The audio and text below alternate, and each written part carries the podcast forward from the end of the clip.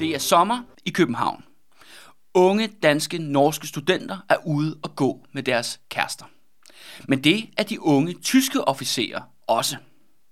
Studenterne og officererne, de kan ikke lide hinanden. Og lige pludselig har en officer pisset i en af studenternes lommer.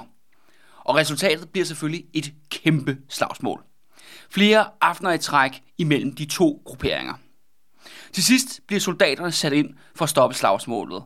Men det er først nu her, at københavnerne bliver rigtig pist. Soldaterne anholder et par af de oprørske studenter og tager dem med ind på rådhuset på Gammeltorv. Det var den samme bygning, hvor Ambrosius bogbinder han slog en økse i bordet i 1534. Men fremme i 1700-tallet samler sig nu en kæmpe rasende pøbel af københavnere rundt om rådhuset. Rådhuset blev bombarderet med sten, alle vinduer og døre blev smadret, og til sidst der bliver rådhuset stormet under vilde hurra-råb. Alle soldaterne og djøfferne i bygningen får tæsk. Cellerne bliver brudt op, og fangerne befriet. Pøbelen havde vundet, og enevældens magtapparat tabt. Det begyndte at lugte af revolution. thank you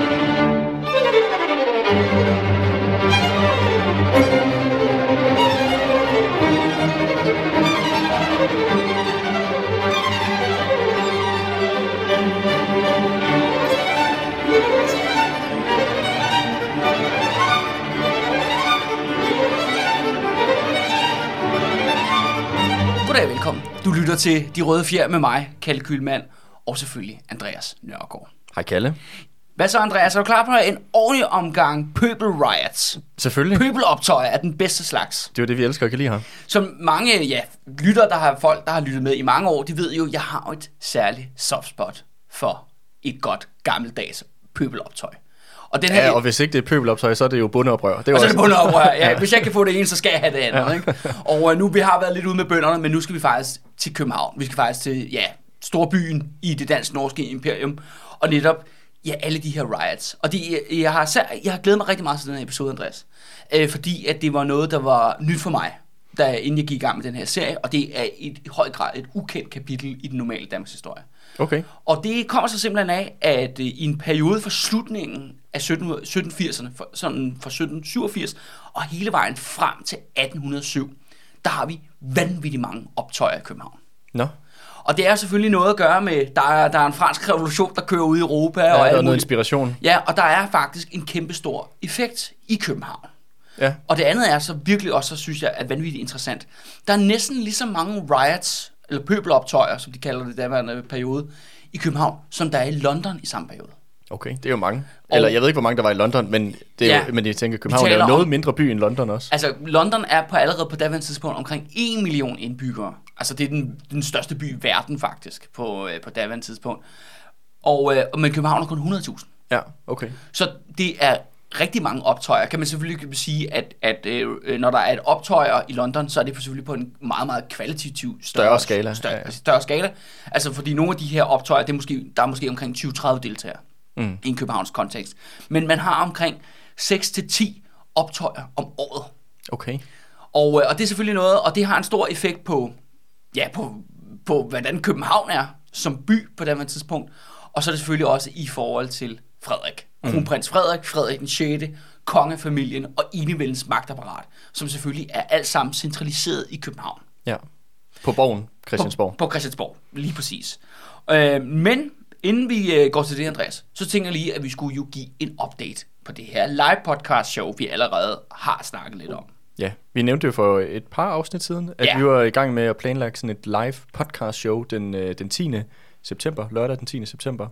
Og øh, Ja, vi tænkte, vi ville afsløre lidt mere.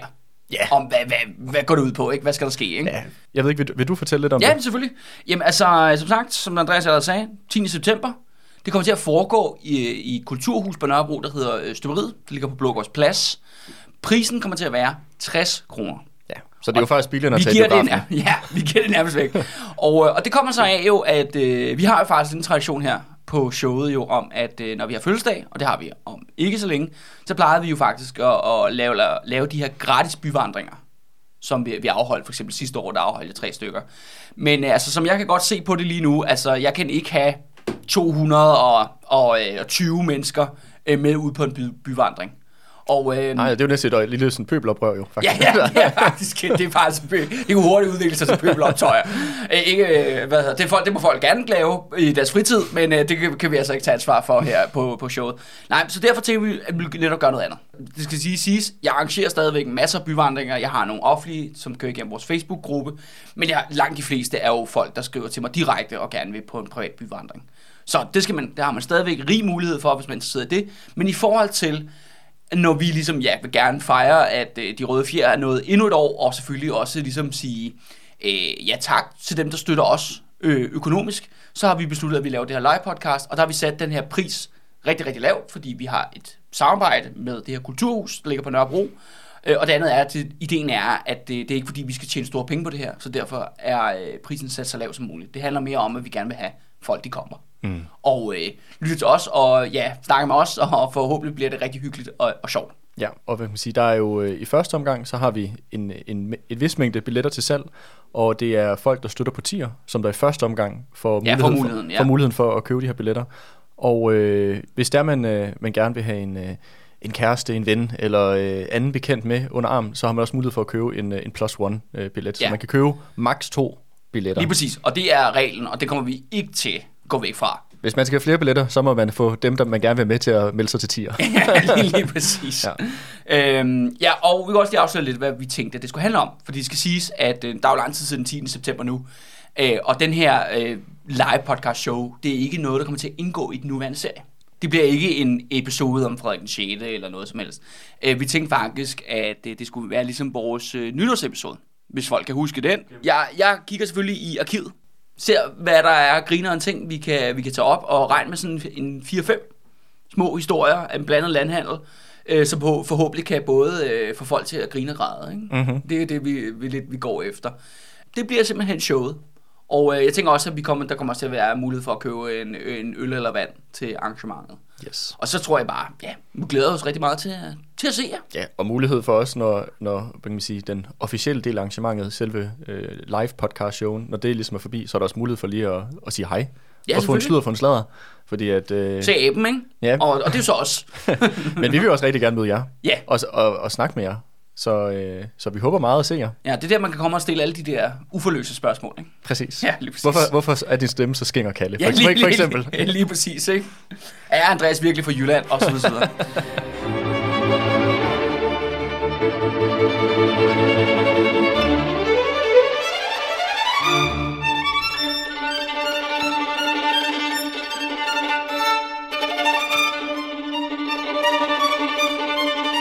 Ja, det var live podcast. Nu skal vi tilbage til, øh, ja, til pøbelens frede, pøbeloptøjer i København. Den øh, historie, jeg lige startede med der, det man kan næsten kalde det jo faktisk en dansk bestiljedag.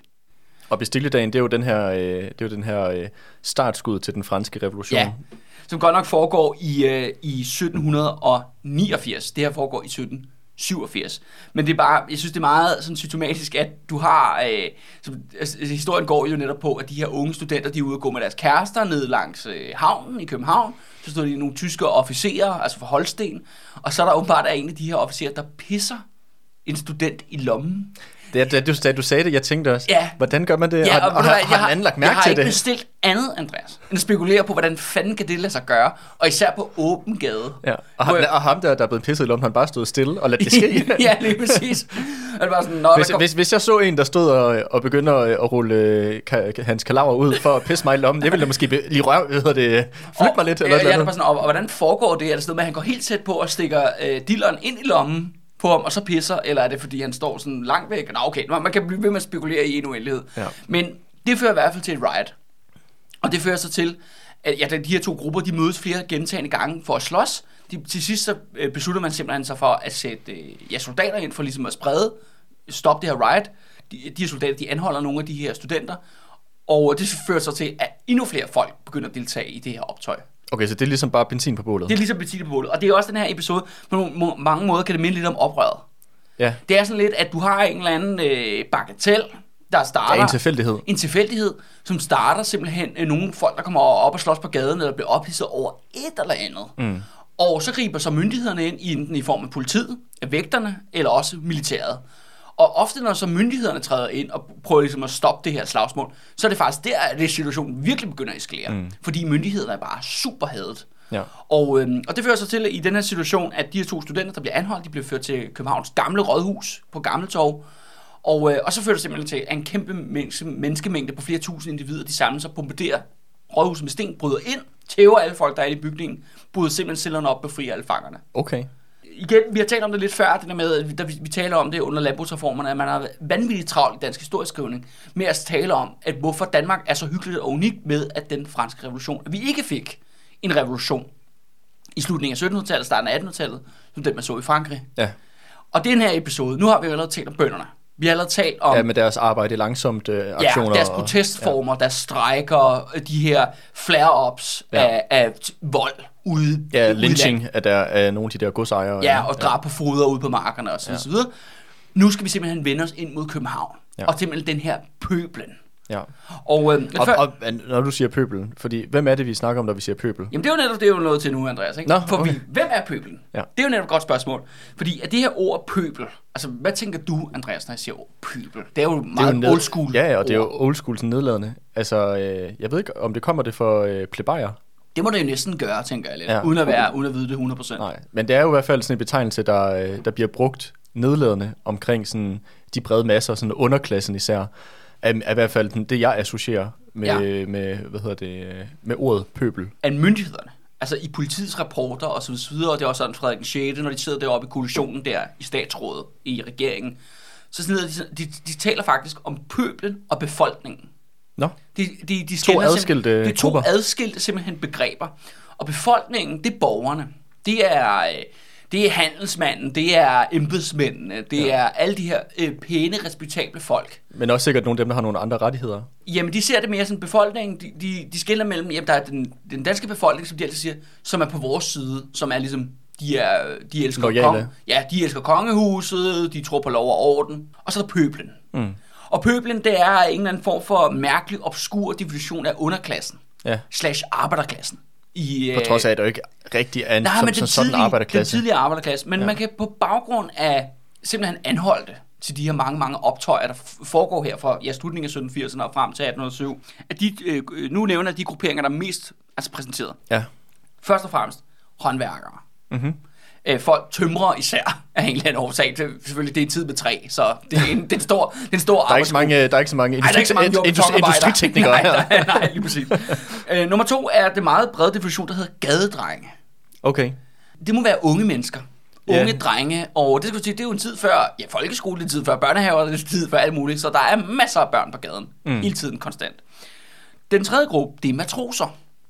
Okay, så, Og- folk, så folk, der arbejder inden Ja. for skibsfart. Man skal huske, ja nej, det er mere faktisk, at du skal huske på, at København er jo øh, imperiets største flådebase. Nå ja, det er selvfølgelig folk, Ja. der, er i, der er i flåden, ja. Ja, og så bor nede i Nye Boder, Ja. den her bydel, de har deres egen bydel i København, ja, som jo stadig eksisterer. som stadigvæk eksisterer, og som stadigvæk er folk, der har relation til flåden, de kan få lov til at komme og bo der. Og øh, den øh, fjerde gruppe, det er så soldater. Ja. Ja. Fordi København er selvfølgelig også imperiets største militærbase. Ja. Så, og det er jo så værnepligtige som, øh, og legesoldater. Så det er en virkelig blandet gruppe. Så du har en, du har en blanding af øh, måske professionelle tyske soldater, og så er der måske også bare random jyske værnepligtige. Ja, Ja. Altså det er virkelig en, en bred mix, ikke? jo. Og øh, så næste gruppe efter det, det er så tiggere. Mhm. Altså simpelthen subsistensløse, og dem er der rigtig mange af Mm. i den her periode. Ja, jeg tror også, vi har snakket om det tidligere, at København var jo et fattig by. Ja, Altså, øh, i nogle af afsnittene, hvor vi snakkede om den rigdom, der var inde blandt kongehuset på Christians, øh, Christiansborg, at der snakkede vi om, hvordan at resten af København, ligesom hvor mange københavner levede i, i dyb fattigdom. ja. Jeg kan ikke huske, hvad helt præcis, hvor sådan, tallene og andet, om, om hvor, også hvor pålidelige sådan nogle er. Øh, men jeg ved ikke, om du kan sætte lidt ord på den her fattigdom. Det er jo selvfølgelig en tid fuldstændig uden socialt sikkerhedsnet. Ja. Whatsoever. Og, øh, og det er sådan her, at faktisk også, altså det er ikke kun et københavner-fænomen, det skal også siges, det er jo bredt ud i hele øh, kongeriget, og også i Norge for den sags skyld, at ude, ude omkring på landevejene, så er der simpelthen flokke af tiggere, der simpelthen trækker rundt og, og går fra by til by og tigger. Og der er også en del øh, sådan cigøjnere, øh, eller de kalder dem så tatar i den her periode. Okay. Som også er en, øh, som ligesom er en undergruppe inde for ligesom tigger, tiggergruppen, ikke? Ja. Men selvfølgelig er det især i kendetegn i København, at det er jo folk, der er desperate på landet, de søger jo mod storbyen, og hvis de ligesom kan komme ind, og så har de ikke noget sted at bo, så de mm. lever sådan mere eller mindre på gaden. Ja. Og de lever jo netop af små jobs eller tiggeri og så videre, ikke? Og, øh, og folk, de bor jo 10 mennesker inde i et øh, fugtigt skur, bagskur et eller andet sted. Så de er simpelthen proppet, og det er jo det med, at man skal huske på, at der er 100.000 indbyggere, men byen har simpelthen ikke blevet udvidet siden 1600-tallet. Siden Okay. Christian 4 lavede en stor udvidelse. Ja. Og det vil sige, at vi taler om, at folk er bare pakket i lag oven på hinanden ind i den her by. Ja. Og hvor, hvor går bygrænserne på det tidspunkt? Altså Nørrebro, Vesterbro og alt Det her- findes simpelthen der ikke. Brokvartererne er ikke med. De brokvartererne eksisterer ikke på det her tidspunkt. Nej. Så faktisk er der, hvor at bygrænsen stopper, det er jo der, hvor alle vores øh, parker i København ligger. For eksempel Tivoli-søen, hvis du har været i Tivoli nogensinde. Ikke? Der er en sø inde i Tivoli. Den sø er den gamle voldgrav. Nå, okay. Øh, og det er også for eksempel ho- hos i Ørstedsparken, der er der også en sø. Det er også en gammel voldgrav. og og ved- Østeranlæg Ja, okay. og Botanisk Have og så videre, så videre. Det er alle sammen Det bygrænsen. er bygrænsen. Okay, så København har været meget lille. Meget, meget, meget lille. Ja. Ja. Altså godt nok Christianshavn fandtes Ja. som, som, en, som en bydel, ikke? Men på den anden side af Christianshavn, det som der er Amager i dag. ja, der det, var marker. Ja. Og, Så det er indre by, og ikke engang det hele, det der er indre by Ja. i dag. Ja. Ja, lige og så lige Christianshavn. Ja, og det, og, og det er 100.000 mennesker, der er pakket ind på meget, meget lidt space. De bor 8-10 mennesker i et værelse, øh, og øh, lever af de her dag-til-dags jobs, og rigtig mange af dem tilknyttet øh, forskellige grader af militærindustrien. Fordi ja. at flåden, alle krigsskibene bliver bygget i København. Vi har en kæmpe stor garnison, hvor der bliver selvfølgelig syet uniformer, lavet geværer, alt sådan noget. Mm. Og det er jo, så den her militærindustri er det, der driver rigtig meget frem. Og så ligesom efter militæret, jamen, så har du så sukker, Ja. på grund af ja, koloni-imperiet, ikke? Ja. øh, som også er ligesom, der er sukkermøller og så videre, så videre. Og de her folk, fordi at de er spærret inde i de her øh, små, små rum med mange mennesker, så lever de faktisk mere eller mindre på gaden. Mm.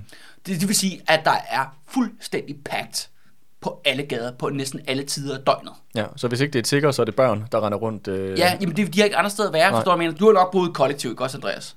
Ja. Og du har haft dit eget værelse. Ja. Ja, det er hysterisk luksus. Okay. I forhold til, hvordan det normalt har været. ja. for at forstå mig ret. Og derfor søger folk ud på gaden, og de her folk, øh, hvis de ikke har penge, jamen så leder de efter selvfølgelig noget at gå op i, eller et eller andet ballade. Mm. Og det er jo sådan, som det foregår. Men der er også, men apropos pøbelen, Andreas, fordi der er faktisk også nogle flere grupper involveret. Øh, efter tiggerne, så kommer netop kvinderne, Mm-hmm. som simpelthen definerer sig, at der er en gruppe, fordi det er jo meningen, de ikke må arbejde, eller de skal være hjemmegående. Ja. Så de er ligesom de er deres egen øh, gruppering. Og så, øh, og så er der studenterne, Ja. og så er der så selvstændige erhvervsdrivende. Hvem er pøblen? De udgør et eller andet sted omkring øh, 50-60 procent Af af befolkningen. befolkningen Ja. i København. Så det er jo et langt, langt flertal. Men så det grinerne er, at myndigheder ligesom skældner mellem befolkningen og pøblen. Ja. Og der er også flere gange, hvor politiet ligesom prøver at opløse nogle riots, så råber de, øh, højt ærede københavnske pøbel. lad, være med, lad være med at smadre, smadre det der, ikke? Eller smadre vinduerne på den der butik eller sådan noget, ikke? Det er en ting. Ja, og, og det skal også forstå, at, at Frederik og koalitionen, eliten, regeringen osv., osv., de er fuldstændig besat af pøbelen. De diskuterer pøbeloptøjer hele tiden, konstance. Og det er fordi, de er super bange. Mm. De er super paranoide omkring, hvad den her pøbel vil foretage sig. Ja. Og de her optøjer, som jeg lige sagde, de sker hele tiden. Altså, det er nærmest som, at København er bare et stort masseslagsmål igennem hele den her periode. Og det er også at forstå det der med Livgarden, som vi allerede har nævnt i starten af vores serie her. Livgarden, de er der simpelthen ikke for sjov jo. De er simpelthen en personlig bodyguard af, af Christiansborg og kongehuset. Og der, der er faktisk flere af de her pøbeloptøjer, der simpelthen får Frederik til at gå i panik i perioden. Han simpelthen, he, han mister besindelsen, går i panik, og flere gange er der sket, at han simpelthen har brudt ind i sit fars værelse, Christian 7. værelse, midt om natten, og Christian 7. han bliver selvfølgelig som altid pis bange, og, og hvor Frederik hiver ham ned i gården, smider ham ind i en hestevogn, og så begynder de bare at læse diamanter Ind i vognen. ind i vognen, og simpelthen klar på et flugt. Altså alt, hvad tager over at... Øh, øh, Rammer, ja, rammer tøjle. ja, jeg kan holde. Ja. Vi er flygtet ud af landet, der er revolutionen kom på gaden. Okay. Eliten taler hele tiden om, at de frygter hele tiden at blive slæbt ned på Kongens Nytorv og simpelthen få hugget hovedet af en rastepøbel. Okay, så, det, så de føler ikke, at de, øh, at de sidder særlig sikkert på magten. Og det er jo det der med, at, at det er, som de, vi også om det tidligere, de føler jo, at de sidder på en vulkan. Mm. At det der med, at den franske revolution, den kommer. Men var det ikke også lige præcis det, som den, det franske monarki, eller hvad var det, der sagde der med, at det er som at sidde på en vulkan? Ja, lige præcis, Og det, ikke? og det viser jo, det gjorde det jo. Det gjorde de Så- jo, ikke? Og altså, man kan sige, frygten er sådan set reel, Ja. og, og, men det er bare interessant der med, at man har været i enormt øh, travlt med at sige, hvor stabilt det politiske system var i Danmark. Mm. Men det er i hvert fald ikke sådan. Altså, ja, de har følt det. Ja, Nej. og det er jo så, det, er, det er også det, prøve, det spørgsmål, vi jo også vil prøve lidt at besvare i dag, Andreas. Ikke? Det er jo det der med, at du har, i hvert fald eliten, de er møgbange for det her. Mm. Du har rigtig meget gadeurolighed. Men hvordan kan det så være, at revolutionen så ikke ligesom manifesterede sig ja. i sidste ende? Hvad for, et år, hvad for et år er vi lige nu omkring? Fordi jeg synes godt, man kan tale om det som en bevægelse. Okay. Øh, som noget, der ligesom, det bliver ved med at poppe op. Ikke? Og vores periode, den hedder 1787 til 1807. Mm-hmm. Det er simpelthen urosperioden. Det er pøbelperioden i Københavns historie. Ikke? I hvert fald denne periode, det skal sige, der kommer selvfølgelig masser, der har selvfølgelig været optøjer før. Øh, Grevens et godt eksempel på det. Og, øh, og selvfølgelig kommer det også bagefter. Ja. Men det er det der med 1807, der kommer jo britterne, der kommer krigen, Københavns bombardement og alt det her, og det sætter ligesom en stopper for det. Man har ligesom en, en periode fra 1807 til 1815, hvor det ligesom det dykker helt ned, og så efter 1815, der kommer det tilbage igen. Okay. Men det er så der, hvor vores serie slutter. Ja, så, så det, så det ja. ignorerer vi. Så det ignorerer vi, ikke? Og det er sådan her, at øh, de her øh, mange, mange optøjer, de kan deles ind i roughly tre kategorier. Mm-hmm. Den første, det er fødevareøkonomi, har jeg kaldt den. Nummer to, det er øh, racisme, nationalitet. Og tre, det er sådan moralsk politisk. Okay, og er det, er det i forhold til de årsager, der ligesom har ja. udløst de ja, her som, optøjer? Ja, så oplyst masse slagsmål på gaden. Ikke? Ja. Og øh, nummer et, det er selvfølgelig, øh, hvad hedder det, øh, fødevaremangel, eller man bliver snydt økonomisk. Ja. På den ene eller anden måde. Og det er især i, der kan man se, der er ligesom et kraftcenter i København, som ligesom udløser mange af den her slags riots. Og det er øh, noget, der hedder 20-markedet, som lå i Adelgade i Ninderby. Mm-hmm. Og det her 20 marked, det er simpelthen, der er en... Der altså, hvad kalder du den? 20 marked? 20, som i, en 20, Okay, okay 20, 20 marked. Okay. Det, det, det, det, er simpelthen... Så det er der, man, får en, der man kan være sikker på at få en færre pris for ens ting. altså, ja, som, som de beskriver det, det lyder lidt som om, at det er Christiania før øh, Christiania. Ja, okay. Det er sådan, øh, der foregår en, en masse sådan lidt sketchy, ulovlige ting, øh, ja. som er ligesom ude for myndighedernes øjensyn. Der bliver handlet lidt frem og tilbage. Sådan lidt Pusher Street-agtigt. Ja, ja, ja. bortset fra, de, de sælger så ikke... Men det kunne måske godt være, at de sælger has. Øh, der er noget med, at man, der er nogen, der ryger has i 1700-tallet. Men det ved jeg ikke en skid om, om og hvorvidt det her gør med 20 marked. Det, jeg tror, det er rigtig meget. Det bliver solgt jo ting, der er blevet stjålet. Ja. På det her marked. Det er det, det, det, det simpelthen, øh, det handler om. Ikke? Så det er sådan en hælervare. Ja. Og, og, det, og det gør simpelthen, at folk øh, tit er uenige om den pris eller det produkt, de har købt mm. øh, på det her marked. Og der er for eksempel en af de her riots, det starter så i 1801, hvor, at, øh, hvor der er en lokal høger, som er, er, i, ja, er ved det her 20-marked. Han, øh, han har selvfølgelig købt en masse smør billigt. Okay, og så, og så, det er en fed 20 var. Ja, men så, sælger, men så sælger han det dyrt. Okay. På, øh, på 20-markedet, ikke? Ja. Og det gør simpelthen, at øh, en flok matroser og soldater der ligesom hænger ud her i området, øh, når de ligesom er off, øh, off duty, ikke? Og de tænker, vi skal have også noget smør. Men vi skal have noget smør. De bliver selvfølgelig øh, super sure, øh, og, øh, og bliver simpelthen øh, smadret den her høger butik, der ligger der ved det 20-marked. Øh, politiet kommer og, øh, og tæver dem, altså de her matrosoldater, og det er jo, øh, man skal huske på, de har sådan nogle lange, øh, ja, enten har de sådan mor- morgenstjerner, Nå ja, det ja, de morgenstjerner, eller også har de bare deciderede køller, ja. de kommer og, og tæver folk med. Ikke? Politiet på den periode har fuldstændig røde uniformer på. Ja. Og på de røde fjer. Der er noget med det der rødt, rødt ja, ja. tema overalt. Ikke? Ja. Øhm, så øh, de kommer og tæver dem. Men øh, så kommer tømmerne fra Holmen. Mm-hmm. Og øh, det er jo sådan, Holmen, det er jo der, hvor at floden bliver lavet. Ja. Og det vil så sige, at tømmerne... Som, Holmen, hvor ligger det henne? Jamen, det ligger faktisk øh, lige ved siden af Christiansborg på det andet tidspunkt. Okay. Der er en, nu der, I dag er der boligkvarterer, men oprindeligt har der været sådan et stort åbent område, hvor man har bygget skibe. Og det har faktisk også været over på den anden side af havnen, over på Christians øh, havns siden. Ja. Så er det sådan, vandet der skiller. Ja, men på begge sider har der ja, været sådan det... Ja, og der har været rigtig, selvfølgelig rigtig mange tømrere ansat ja. til at lave det her. Og, og de er et øh, stort element af, det er Danmark, det er Danmark, øh, Danmark Norges største arbejdsplads. Det er jo de her tømrere. Okay. Altså i hvert fald øh, nogle tusinder. Altså at folk, der bare er fuldtid på, at det hammer skib. Byg, byg skib, ja. Ja, byg skib sammen. Det er, jo en, det er jo en arbejdstung proces, der tager lang tid. Ikke? Ja, det er klart. Og, øh, og de kommer, og, og så de her tømmer, som, som, som er organiseret, lidt sådan, det er jo sige, fagforeninger er pisseulovligt, men de er organiseret, ikke? På en eller anden måde. Ja. Øh, de kommer, dukker så op, for eksempel på det her 20-marked, hvor politiet så har, ja, har tævet de her soldater og matroser, der er blevet sure på ham der høgeren, og det fører så til, at øh, tømmerne de fuldstændig smadrer de der politibetjente. Okay. Så der, er, så der er først øh, matroserne, der er blevet sure over, at de har betalt for meget for deres smør. Ja. Der er smadret den der butik. så kommer politiet, Og tæver dem. tæver, tæver dem, og nu kommer tømmerne så, og tæver tæver politiet. politiet. Og tæver politiet. Og, øh, og så sker der så det, som det går igen og igen, det er, at øh, når de ligesom har smadret politiet, så råber alle folk, hurra. Mm-hmm. Og det er virkelig noget grineren, Andreas, det er, at øh, hurra har altså intet at gøre med børnefødselsdag. Nej, Det er altså ikke der, hvor ordet oprindeligt kommer fra. Altså fandt jeg ud af. Altså i dag råber vi hurra, når folk har fødselsdag, ikke? Men det kommer så simpelthen, at hurra, det var noget, at pøblen råbte på Københavns gader, hver gang de havde taget politiet eller militæret. nå, Så råber man hurra. okay. Det er simpelthen, og det var også et, øh, sådan et universelt sådan kampråb. Hurra. Okay, det har en anden rod. Det har en anden rod, og de, øh, du må ikke øh, spørge mig, hvor, hvor, hvordan fanden er det lige pludselig blevet blandet ind i fødselsdag. Men det der med fødselsdag, det er først noget, der kommer i 1800-tallet. Nå, Så, I midten af 1800-tallet, hvor det her hurra, det er altså simpelthen, øh, ja, det er simpelthen, Det er noget, der- det er nu skal noget- vi ud og smadre nogen, ikke? ja okay. Nu skal vi ud og tæve nogen, og derfor synes jeg også, at det sætter sådan en børnefødselsdag i fuldstændig nyt lys, at man bare råber hurra, hurra, ikke?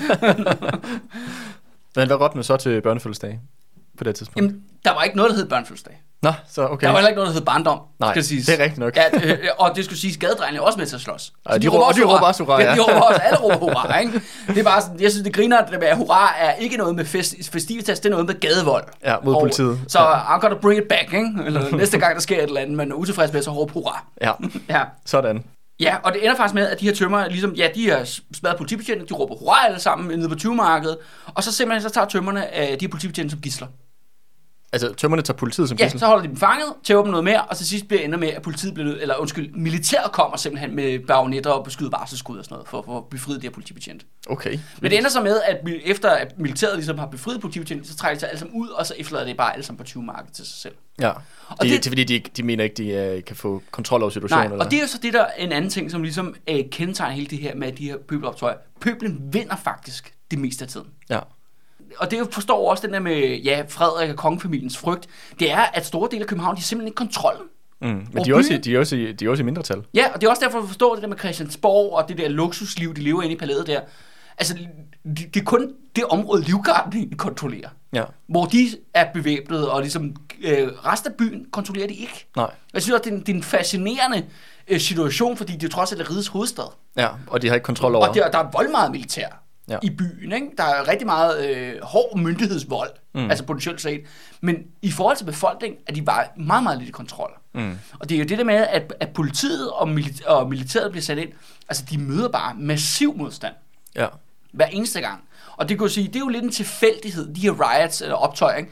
de starter af meget tilfældige årsager ofte. Mm. Øh, for eksempel er nogen, der bliver sn- snydt i noget smørpris. Ikke? Ja. Men så bliver det tit, altså får det ligesom et, ja, et udtryk vendt mod myndighederne. Ja. Mod systemet, mod orden, retsorden, eller hvad man skal sige. Ikke? Men det er også klart, fordi at, som vi også har jeg vil sige, skitseret meget, grå, meget dybden i de forrige afsnit, så er der jo masser af ting at være utilfreds over. Ja. Altså fattigdom, kummervækst, undertrykkelse, you name it. Altså det er jo ikke lige frem, fordi at der er særlig meget at, at håbe hurra i den moderne forståelse af ordet for. ja, ja, præcis. Øh, så altså, jeg forstår det godt på den måde, at, at mange af de tilfældige øh, hvad skal man sige, ting, der udløser de her optøjer, at de jo så hu- hurtigt bliver vendt mod den øh, kilden til den utilfredshed, ja. hvor den kommer fra, den frustration, folk render rundt med, som jo i sidste ende er myndighederne Ja, og kongehuset Ja. og koali- koalitionen og, og, Og- og hele staten. Altså. ja. Og øh, jeg tænker også lige, når vi nu er ved hurra-råbene, så tænker jeg også at lige at tage nogle skældsord Ja. fra 1700-tallet, fordi der er nogle af de her politirapporter, der skriver de simpelthen ned, hvad folk råber af politiet. Nå, grineren. Og et ord, de er rigtig glade for, de råber kældringen. Kældringen. Du er en kældring, Andreas. Okay. Hvad er det? Ja, ja du er et røvhul, vil jeg sige, ikke? En røvhul, Ja, okay. ja, ja det, det er sådan lidt, som jeg læser det, ikke? Okay. Du er en kældring. Et andet er, som jeg også synes er meget sjovt, at de bliver ved med at råbe, at folk er øh, norske gavtyve. Norske gavtyve. Ja, Okay. og det er åbenbart, altså, der er en gavtyv, som er sådan rimelig slem, men så hvis du er en norsk gavtyv, så er det Så, endnu værre. uff, åh nej. ja, lige præcis. Ja, men det er gavtyv, det, det har man da også hørt. Altså, det er, det er jo ikke fordi, det er det, det, man bliver kaldt ofte, men jeg vil sige, at det er, da, det er da et ord, man, man kender. Ikke, jeg har aldrig hørt om kældring før, men gavtyv har jeg hørt. Har du hørt gavtyv før? Øh, ja, men jeg, be, jeg betragter det som sådan lidt uh, haha-ord, ikke? Det er det er lidt som, hvor står- ah, det er en gavtyv. Ja, sådan, af din gavtyv. ja, nu. det er en lurendrejer. Ja, nu Altså, stjal du, du stjal min kaffe, ikke? Din Ja, ja, gavtyv, præcis. ikke? Ja, Det er sådan lidt du skiftede salt og sukker øh, Ja, ud med hinanden. din gavtyv, ikke? ja. Men, øh, og, og det er også derfor, jeg kan ikke øh, helt forklare det, hvorfor øh, skal gavtyven være norsk? Det må jeg, sådan lidt, det, jeg forstår ikke rigtig helt konteksten. Nej. Men sådan er det, når man en gang man læser, øh, ja, når man læser historie og kilder og sådan noget. Nogle gange, så fordi man mangler ligesom Konteksten. kontekst, fordi man ikke lever i den periode, så det er lidt svært at forstå, hvad de, hvad de mener med det. Mm. Øh, de råber også, men der er rigtig meget, der selvfølgelig handler om politiet. Ja. Øh, ligesom, man skal sige, sige i dag. Ikke? Øh, og de råber så øh, politipul. Ja. Og øh, så vidt jeg forstår det, så er det ligesom, at øh, politiet bliver ja, bollet i røven. Nå, okay. Det, det tror jeg, altså, at man puler noget, ikke? Ja. Så er det ligesom politipul. Øh. Okay. Så jeg tror, det er sådan, jeg forstår det i hvert fald, ikke? Ja, det kan det godt være. Ja, og så er der politiknægt. Ja. Og det her med knægt, det har en reference faktisk tilbage til 1500-tallet. Det er jo en landsknægt. Altså en legesoldat. Nå, okay. Så det er sådan meget negativt ord, så man sådan virkelig sådan, så er man sådan en psykopat, ikke? Ja, okay. Altså, så er man sådan en, man er sådan en virkelig øh, undermenneske, ikke? Man er sådan en rocker, ikke? Eller sådan øh, en kriminel af mm. værste skuffe, ikke? Mm. Det er jo, når man kalder folk for knægt, ikke? Okay. Øh, og så, så politiknægt, den her. Ja, så er det, så Ja. det, så er det sådan en anklage Ja, mod og hvis, det, og hvis det er tyske soldater, kalder de dem tyskerknægte. Ja, ja. Og så ja. videre, ikke? Ja. Så på den måde, det er sådan nogle ord, de bruger. Okay. Og så er det en ting, de er Men, rigtig... også, det er, men knægt, det er også et ord, som er, jeg vil sige, den, den, det indhold er også blevet rimelig udvandet i dag. Det er jo ikke fordi, ja, nu er det jo, det er jo ikke fordi, at- nu er det bare sådan en rask knægt, ikke? Ja, ja, præcis. det er jo ikke fordi, at man er bare sådan, ej, du kaldte mig en knægt. Jeg, jeg, er, nu er jeg helt oppe i det røde felt. Ja, men det er også fordi, at ordet knægt er jo også sådan en rimelig gammeldags ord. Der er jo ikke nogen, der siger til en ung dreng, du er en knægt mere. Altså, Nej, nej, ja, nej. Det er, sådan, det er noget... så siger man jo, det er en, en rask purk, for eksempel. ja, okay.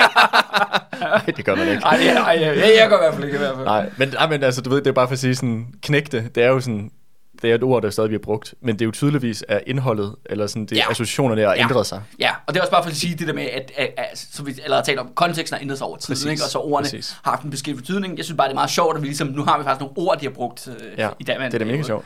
Øhm, og så det sidste, som de er rigtig, rigtig glade for at råbe alle sammen, det er, at de råber konstance, slik vores mås.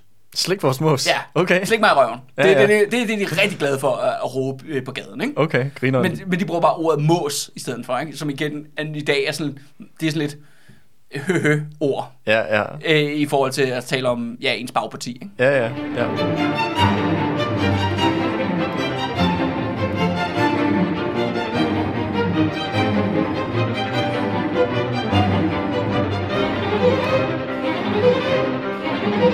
Ligesom, kan man sige, øh, ja, fødevare, sådan økonomisk snyd, der ud, øh, ja, kan udløse optøjer. Nummer to kategori, det er jo det der med racisme og nationalitet. Så vi allerede har talt om, øh, så har der været jo slåskampe mellem dan- danskere og nordmænd øh, versus tyske og holstener. Det er sådan en gentagende konflikt, mm. som vi allerede har talt om før, og det, ser, og det er også ligesom med til at udløse det her, især i form af, nu har vi jo så dansk-norske studenter versus tyske officerer for eksempel. Det var Ja. sådan, vores episode, Ja. den startede. Det var der med tissen i lommen og alt Ja, det der. ja. men så er der også decideret racisme. Og det er jo fordi, at det er jo en anden ting, som også er super interessant ved 1700-tallets København. Det er jo, at der er jo store grupper af folk, som har en anden hudfarve. Mm. I form af sorte og indiske sømænd Ja. nede i Nyhavn. Hvor at det, de hænger jo ja, ud der og er der, mellem de skal ud og sejle øh, ja, ud, på, ud til kolonierne. Og nogle gange så fører det simpelthen til, at folk ligesom kaster sig over de her Altså Ja. sådan øh, overfalder dem. Ja, overfalder dem, altså af racis- racistiske årsager. Og så er der en anden, også en anden gruppe, der bliver udsat for ret meget racisme og forskellige optøjer. Det er jøder, Ja. som jo også er en minoritetsgruppe. Ja. Øhm, så godt nok Og- så, så ikke er så sømandsrelateret Nej, nej. overhovedet, men, men, altså... men det er vel også en... Ja, altså, det er jo ikke fordi, at... Øh, jeg ved, de har, det er jo ikke fordi, de har spillet en mig bekendt en særlig stor rolle i Danmarks historie, men på det tidspunkt er de ikke sådan en rimelig stor minoritet i København. Jo, altså jo relativt set, ikke? Ja. Altså, de er, jo helt sikkert, du har den... Øh, jamen, problemet er jo lidt, at det er en multietnisk by. Ja, Du har jo, altså, øh, danskere er ligesom den største gruppe, men så kommer, øh, nord, så kommer tyskere, og så kommer ja. nordmænd.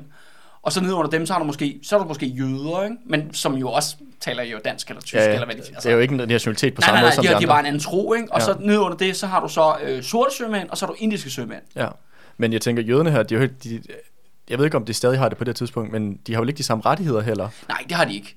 Øh, De bliver først frigjort i 1814. Ja, men, Altså, også, under, under, men også under. Frederik den 6. Ja, under Frederik den 6. Men ja. det er lidt senere, og, ja. Og, og det er jo ikke fordi, at mange af de her øh, racistiske riots, der er lige i den her periode, det handler faktisk ikke så meget om jøder, men det der med jødeforfølgelser og jøde, ja, pogromer og decideret, det kommer efter. Okay. Øh, efter vores øh, serie er slut. For eksempel i, i 1820'erne og 1830'erne. Ja. Mens Frederik den 6. stadigvæk er kongen, der ser vi virkelig store øh, jødeforfølgelser Okay. i København. Og det har noget at gøre med, at, at jøderne ligesom øh, bliver faktisk lidt set som systemets håndlanger. Mm-hmm. Øh, selvom der er jo selvfølgelig en masse, ja, sådan helt klassisk bibelkristen racisme involveret i forhold til at diskriminere antisemitisme generelt, så er der også det der med, at jøderne har jo den der status, at de er jo penge øh, de er ja. pantelånere, og, og derfor bliver der rettet sådan en masse effindlighed mod, mod dem, også fordi, at det de ser, især og det er jo det der med 1814, altså definerende, fordi at Frederik 6. jo netop sætter jøderne fri, altså giver dem lige rettigheder, giver dem, gør dem til normale borgere, Ja, hvor de før i tiden havde, Ja. hvor de var, havde andre rettigheder. Og, og, der, og der er I der negativ så. Og der er der så pøblen i København, de ser jo netop, at myndighedssystemet favoriserer den her meget, meget lille mindretalsgruppe, mens de selv er ved at dø af sult. Mm. Og derfor udløser det så altså angreb på dem, ikke? Okay. Men det er også sådan lidt, at jøderne får en meget uheldig position, hvor at de er lidt sted, stedfortrædet for regimet ude på gaden. Nå, Altså netop fordi, at de, vi angriber jøderne, fordi at øh, de er lidt sådan stand-in for, at vi ikke kan få fat i Frederik den 6. nej, okay. Så tager du... Øh, Roughly. Ja, Ja. Selvfølgelig kan man sige, der er, altså, der er masser af årsager til, at folk øh, angriber jøder. Det er også bare fordi, måske de synes, det er fedt. Ikke? Det er ikke for at forsvare dem nej, nej, nej, nej. øh, overhovedet. Men jeg siger bare, at det er i hvert fald det, der virker som om, det er tit er logikken. Mm. Også det med at angribe jøder, det er også en eller anden måde, at det, jo, det kan man gøre ude i det åbne, også ved at skrive om dem, for eksempel. At det kan du ikke gøre med kongehuset. Nej, Så, Okay. det, så det er simpelthen lidt det, der er funktionen. okay. Men kommer vi tilbage til det med Nej, sådan... nej, det gør vi ikke, fordi at de, netop de, De her... spiller ikke nogen stor rolle på Nej, det tidspunkt? ikke, det kommer først senere, Ja. efter i, i senere i 1800-tallet. Okay. Men der er dog lige en sidste ting, som øh, virkelig kan måske øh, få folk til at få en dårlig smag i munden. Fordi nu ved vi jo, at pøbel råber hurra, når de, når de smadrer folk, ikke? når de smadrer politiet eller soldater. Men når man smadrer jøder, så råber man hip hip hurra. Nå, det, det kommer Ja, der. hip hip hurra kommer sig af, at når man helt specifikt smadrer jøder. Nå, Og, øh, og det, det, kommer, det kommer fra tysk. Altså hvor i Tyskland, så er åbenbart slang for jøde, det er sådan, så siger man hep hep. okay. Altså, men på dansk er det så blevet til hip hip i stedet for. Nå, Så det er der, det kommer sig af. Så jeg har da bare sådan, ja, altså børnefødselsdagen bliver aldrig det samme igen, i hvert fald ikke hjemme hos mig i hvert fald, skal siges.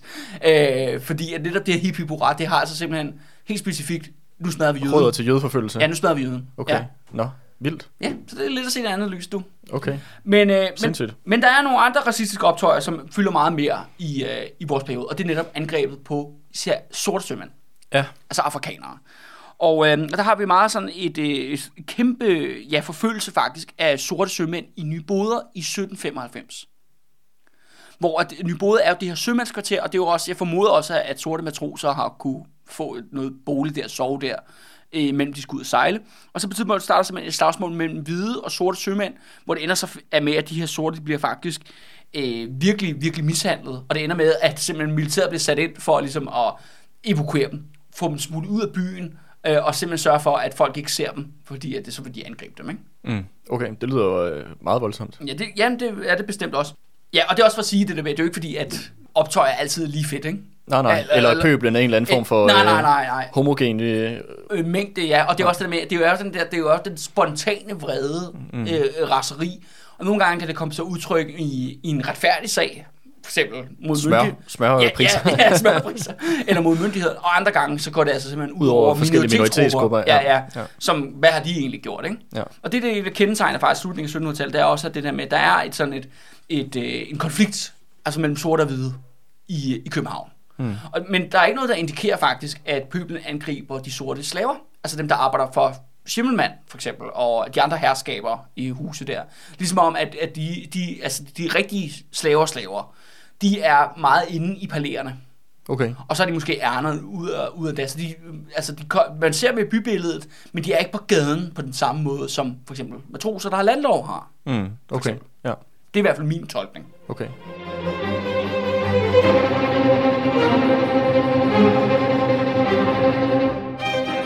Så er der så den sidste, det er nummer tre. Det er den moralsk-politiske, og det er det langt de fleste faktisk. Det er, Nå. den, det, er det, der udløser faktisk allerflest riots. Altså det er sådan Øh, optøj. politiske årsager. Ja, eller, eller moralsk. Okay. Altså Okay. det er sådan lidt, det, det er meget, meget, igen, det er flydende. Ja, ja. Øh, og det er noget af det mest supergriner, jeg har faldet lang, lang tid over, Andreas. Det er, at det, der udløser langt de fleste optøjer af den her karakter, det er det, man kan kalde befrielsesaktioner. Nå, for sådan befriet for fanger, eller hvad? at det er hver gang, at politiet prøver at anholde nogen, så kommer folk, vælter ud af deres hus, smadrer politiet og befrier fangerne. Okay, fedt. Ej, der var sådan, det skal vi have nogle flere af. Ja, det er mega fedt. og det er fordi, at, at politiet, militæret, har slet ikke den der autoritet, som øh, i, de har i dag. De fleste danskere er jo sådan virkelig disciplinerede mennesker, som ligesom ser en uniform, og siger, jamen, så, jamen, så skal man respektere dem, de har nok loven på deres side, og så videre. Folk i 1700-tallet... Ja, de har jo loven. Spørgsmål, om, Ja. de har, om de har ret. Ja, ja, ja men, men folk i 1700-tallet, de har det fuldstændig omvendt. De har det, når de ser en uniform, så er det, så er det, Det er, det er skeptisk og fjendtlighed. ja, det ja, ja, første. skeptisk og fjendtlighed som udgangspunkt. Ja. De skal mere overbevises om, at faktisk at politiet gør det rigtige, Mm. end, end omvendt, forstår du, mener, ikke? Hvor vi har det, når langt de fleste har det omvendt i dag, ikke? Ja. At politiet er en myndighedsperson, man skal have tillid til, så er det det modsatte. De er bare sådan, en politimand er en, man skal have absolut ikke tillid til, og han skulle helst smadres, mens jeg råber hurra. Ja. Og det skal sige sådan her, at noget mange af de befrielsesaktioner, det handler om, det er noget, der hedder hovedvagten, der, ligger, der lå på Kongens Nytorv dengang. Bygningen findes ikke mere, skal siges, men det, lig, det lå lige ved siden af Dang, Ho- Hotel Dangleterre, det der meget, meget fancy hotel øh, downtown. Ikke? Jo, jo. Og det var sådan, at hovedvagten, det var ligesom den lokale øh, soldatergarnison i byen. Og de havde ude foran hovedvagten, der havde de tre latterkanoner og en 24 timers døgnvagt af kompagnisoldater, der simpelthen blev nødt til at blive kaldt ud til de her riots, de her optøjer konstance. Hvad havde de der kanoner for? Jamen det var, hvis pøbel angreb hovedvagten. Så skød man, øh, kunne man skyde øh, de der øh, shrapnel-skud ud på dem. Okay. Øh, og det skal siges, de skød jo aldrig sådan direkte på, på folk, men de har skudt varselskud med kanonerne mange gange. Nå. Og det er fordi, den der hovedvagt, den bliver faktisk angrebet hele tiden. Okay. så det er, ikke, det er ikke for sjov, altså de gør det også for at forsvare dem selv. Ikke? Ja, okay. Øhm, og det er, at den her hovedvagt, den er simpelthen konstant under angreb. Fordi at øh, det er sådan her, når politiet eller soldater, de anholder forskellige folk, udgangspunkt placerer dem i hovedvagt Ja. først, hvor der er nogle fængselsceller, nogle midlertidige celler. Ja. Og det vil folk ikke finde sig i, så de stemmer sig sammen ude foran hovedvagten, angriber hovedvagten, tæver alle soldaterne, befrier folk. Okay, vildt. Og, så, og, sådan er, og det er sådan noget, der sker på månedlig basis Okay, i sindssygt. København i den her periode. Og øh, der er for eksempel en rigtig grineren øh, historie fra 1806, hvor at, øh, det handler om en, øh, en tigger, øh, ja. som blandt andet også hænger ud på 20-markedet. Han er en meget, meget kendt person af myndighederne. De har haft et godt øje til ham til. Det skal så siges, det er faktisk ulovligt at tigge på gaden. Okay, på trods af et... På trods af, at, At at mange gør det. ja. ja.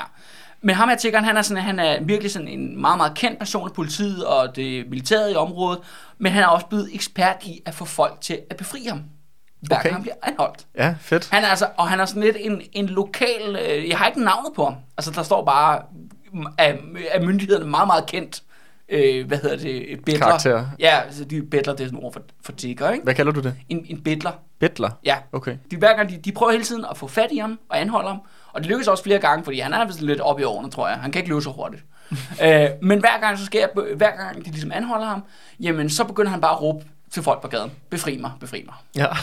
og det virker altså simpelthen hver gang. Og det virker, virker altså også der i 1806. Hvor at øh, politiet er sådan, åh, oh, der fik de fat i ham. Og øh, øh, om sider, nu skal du fandme op i hovedvagten, og vi skal, du skal have så mange pryl. Hvor han så råber, så han råber, øh, øh, hjælp mig. Hvor at folk, de kommer ud af deres huse på grund af at råbe gavtyv. Af, af- Norske gavtyve. ja, norske gavtyv. Af, Og knægte, politiknægt. af- Ja, af politiet begynder at, at kaste øh, med sten øh, på øh, de her politibetjente, simpelthen løber over, befrier ham her tiggeren, begynder at tæve politiet. Politiet bliver nødt til at løbe ind i et hus, og så er det simpelthen... altså ikke øh, den der hoved... Øh, Nej, nej, et andet tilfældig, tilfældigt hus. tilfældig, tilfældig opgang, Okay. der står åben. Løber ind der, lukker døren, og så bliver de simpelthen belejret og bombarderet med sten i det der hus. Og efter sin det hus, det, der er en lokal djøffer, der bor inde i det hus der. Det er grund til, at han lukker dem ind. Ja, okay. Altså, de er ligesom belejret de her, øh, de her seks betjente, tror jeg nok, øh, det er. Og det ender med til sidst, at... Så de øh, der seks betjente er nu øh, hvad hedder det, belejret i et, øh, i et eller andet embedsmandshus. Ja, og, præcis. og med sådan en, øh, en øh, hvad hedder det nu, øh, optøj, mob, justice, øh, hvad hedder det, der samles ude foran. Lige præcis. Og, det, øh, og til sidst så sker der så det, at øh, militæret bliver simpelthen sat ind for at befri dem. Okay. Og så det ender jo så med, at de vil anholde en eller anden tigger. Og de, de, og de bliver angrebet. Selv, ja, de bliver selv anholdt, og så bliver de befriet af militæret. Hold da op. En anden ting, som også sker rigtig meget af i den her periode, det er øh, faktisk arbejdskampe. Ja, Især lokaliseret på Holmen og blandt, især blandt tømmerne. blandt tømmerne. Det er noget, der sker igen og igen. Og især øh, året 1794 er virkelig et uro, uroligt år Mm-hmm. øh, for tømmerne. Og det handler faktisk og rigtig meget om, øh, det handler selvfølgelig om bedre forhold, altså mere løn og så videre, så videre. Og det andet er også, at der er en stor spænding mellem soldater og håndværkere på arbejdspladsen. Ja. Fordi Holmen er jo en militær arbejdsplads, og det vil sige, at militærreglementet er fungerende. Det vil sige, at hvis du nægter at følge ordre, så får du pisk, for Mm. eksempel. Mm. Altså helt konkret. Og det er tømmerne sådan meget utilfredse med, fordi de er jo ikke militærfolk. Nej, nej. De er håndværkere, ikke? Det er jo klart. Ja. Og man har ikke lyst til at få tæsk. Ja, lige præcis. Eller, eller pisk, eller hvad det var. Og, og så derfor er der er især en, en tension, fordi at øh, Holmen er en stor arbejdsplads, og der er jo militær øh, bevogtning på området, og det er især i forhold, når man skal gå ind af hovedindgangen. Ja. Fordi tømmerne kommer selvfølgelig hver morgen ind. 2.000 mand skal ind forbi de soldater og ind og arbejde. Og det skal siges, at de har sådan nogle passersedler, som ligesom beviser, at de arbejder her. Ja. Og der er ofte, ofte sammenstød der, ikke? hvis en soldat er lidt for provokerende. Og inden du ved af det, så får folk nogen på hovedet. Øh, og folk kan blive, øh, ja, tit blive såret, og nogle gange så stikker soldater bagnetter, og, og, sådan, og, Ja, ja. og tømmerne slår med en hammer eller eller andet. Ikke? Ja, okay. Ja, det kan du hurtigt, Det kan hurtigt, hurtigt eskalere. Det kan hurtigt eskalere derfra. Og, øh, og så er det faktisk sådan, at det, det er så stort et problem, at øh, øh, militæret har faktisk et lille fængsel på Holmen. Nå. Kun til tømmerere, der er op. og, og, loka- og soldater, ikke? Men jeg vil sige, at altså, hvis, mi, hvis der var et lokalt fængsel på min arbejdsplads til, til, til os, der var ansat der, så ville jeg måske også være lidt utilfreds. Ja, lige præcis. Og det fører selvfølgelig til optøjer, hvor at tømmerne selvfølgelig angriber fængslet og befrier. Øh, ligesom det er jo det alle gør i København. Ja, klart. ja, ja, altså, har du ikke været med i en befrielsesaktion den her uge? Eller? Ja, og så ja, prøver de at befri de her folk der. Men det lykkes faktisk ikke her i, i 1794, der bliver de ligesom slået tilbage af, af, af militæret. Og militæret sætter simpelthen, officielt tilkalder flere soldater, simpelthen for ligesom, at dæmme uroen ude på Holmen.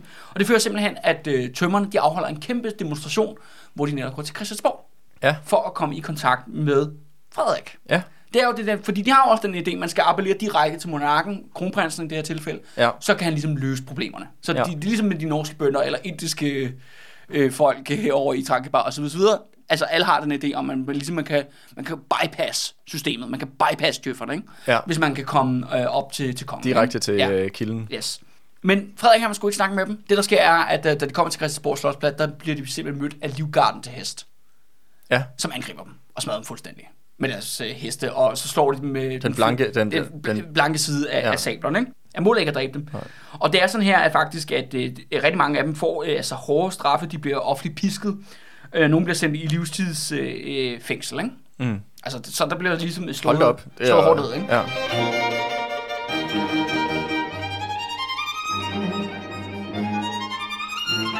Og nu, og nu har vi ligesom snakket om lidt de sådan tilfældige. Meget af det handler jo lidt om det samfund, de lever i, ikke? Eller de, Ja, ja, de det er klart. conditions, øh, de lever forhold, med, ja. og de forhold, de er under i. Men der, så sker der også det fra 1790'erne. Det er, at Frederik, altså hans handlinger, ham som person, kommer til at udløse optøjer, Okay. som er decideret handler om kongehuset. Ja. Og øh, dem tænker vi gå til nu. Okay. Og det er sådan her, at øh, jeg tror nok, jeg sagde, øh, var det sidste episode, at vi ikke skulle snakke om øh, Frederiks øh, spiritisme. Det kan godt passe. Ja, men ved du hvad, jeg ændret holdning. Okay. Det, det skal vi sgu alligevel. Øh, fordi det er simpelthen, det, det, er, det er for godt det her, til at, øh, at I skal snydes for det. Eller I skal, ja, du og lytterne skal snydes for det, Andreas. Fordi det er sådan her, at øh, du kan nok huske Tyttebergkrigen. Ja. At der var Frederik afsted, og der var han jo afsted med den her meget, meget latterlige, dårlige general. Ham, der hedder Karl af Hessen. Mm-hmm. Og ham bliver øh, Frederik ved med at hænge ud med. Og ham her, Karl Hessen, han er en kæmpe idiot. Han kan ikke finde ud af noget som helst. Men han synes også, at spiritisme er super fedt. Og han tror også på reinkarnation. Mm-hmm. Og han påstår hårdnakket, at han i tidligere liv har været Julius Caesar.